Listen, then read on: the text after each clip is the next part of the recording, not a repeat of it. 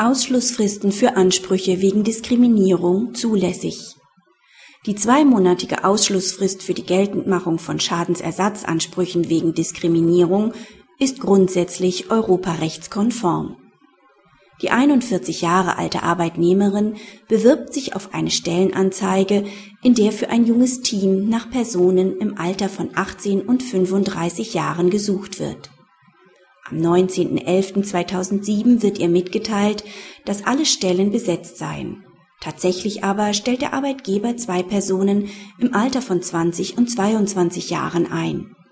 Am 29.01.2008 erhebt die Arbeitnehmerin Klage auf Zahlung von Schadensersatz mit der Behauptung, allein wegen ihres Alters nicht eingestellt worden zu sein.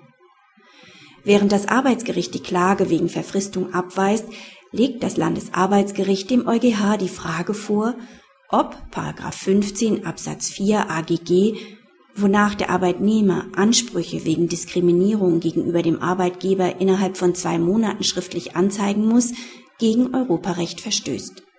Der EuGH verneint die Frage im Grundsatz.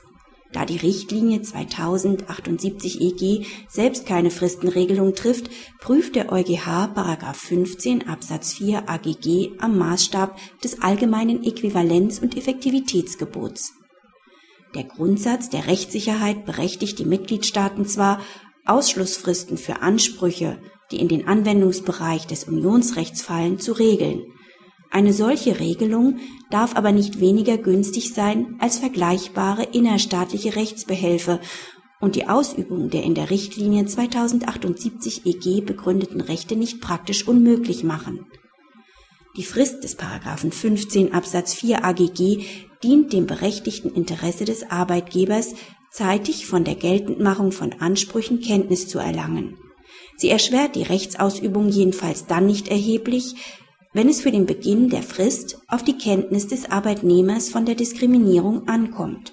Ob dies etwa auf 4 Satz 1 KSG oder 17 Satz 1 TZBFG zutrifft, wird das Vorlagegericht zu klären haben. Die gegenüber 611a BGB alte Fassung verkürzte Frist des 15 Absatz 4 AGG verstößt bereits deswegen nicht gegen Artikel 8 der Richtlinie 2078 EG, weil 611a BGB alte Fassung nur für geschlechtsbezogene Benachteiligungen galt. Praxishinweis. Der EuGH hat gegen 15 Absatz 4 AGG keine Bedenken erhoben.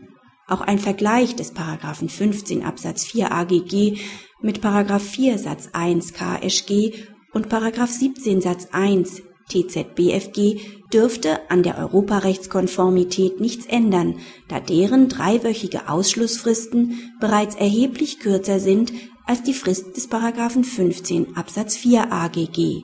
Zu beachten ist, dass sich wegen Paragraph 61b ABGG noch eine zusätzliche dreimonatige Klagefrist anschließt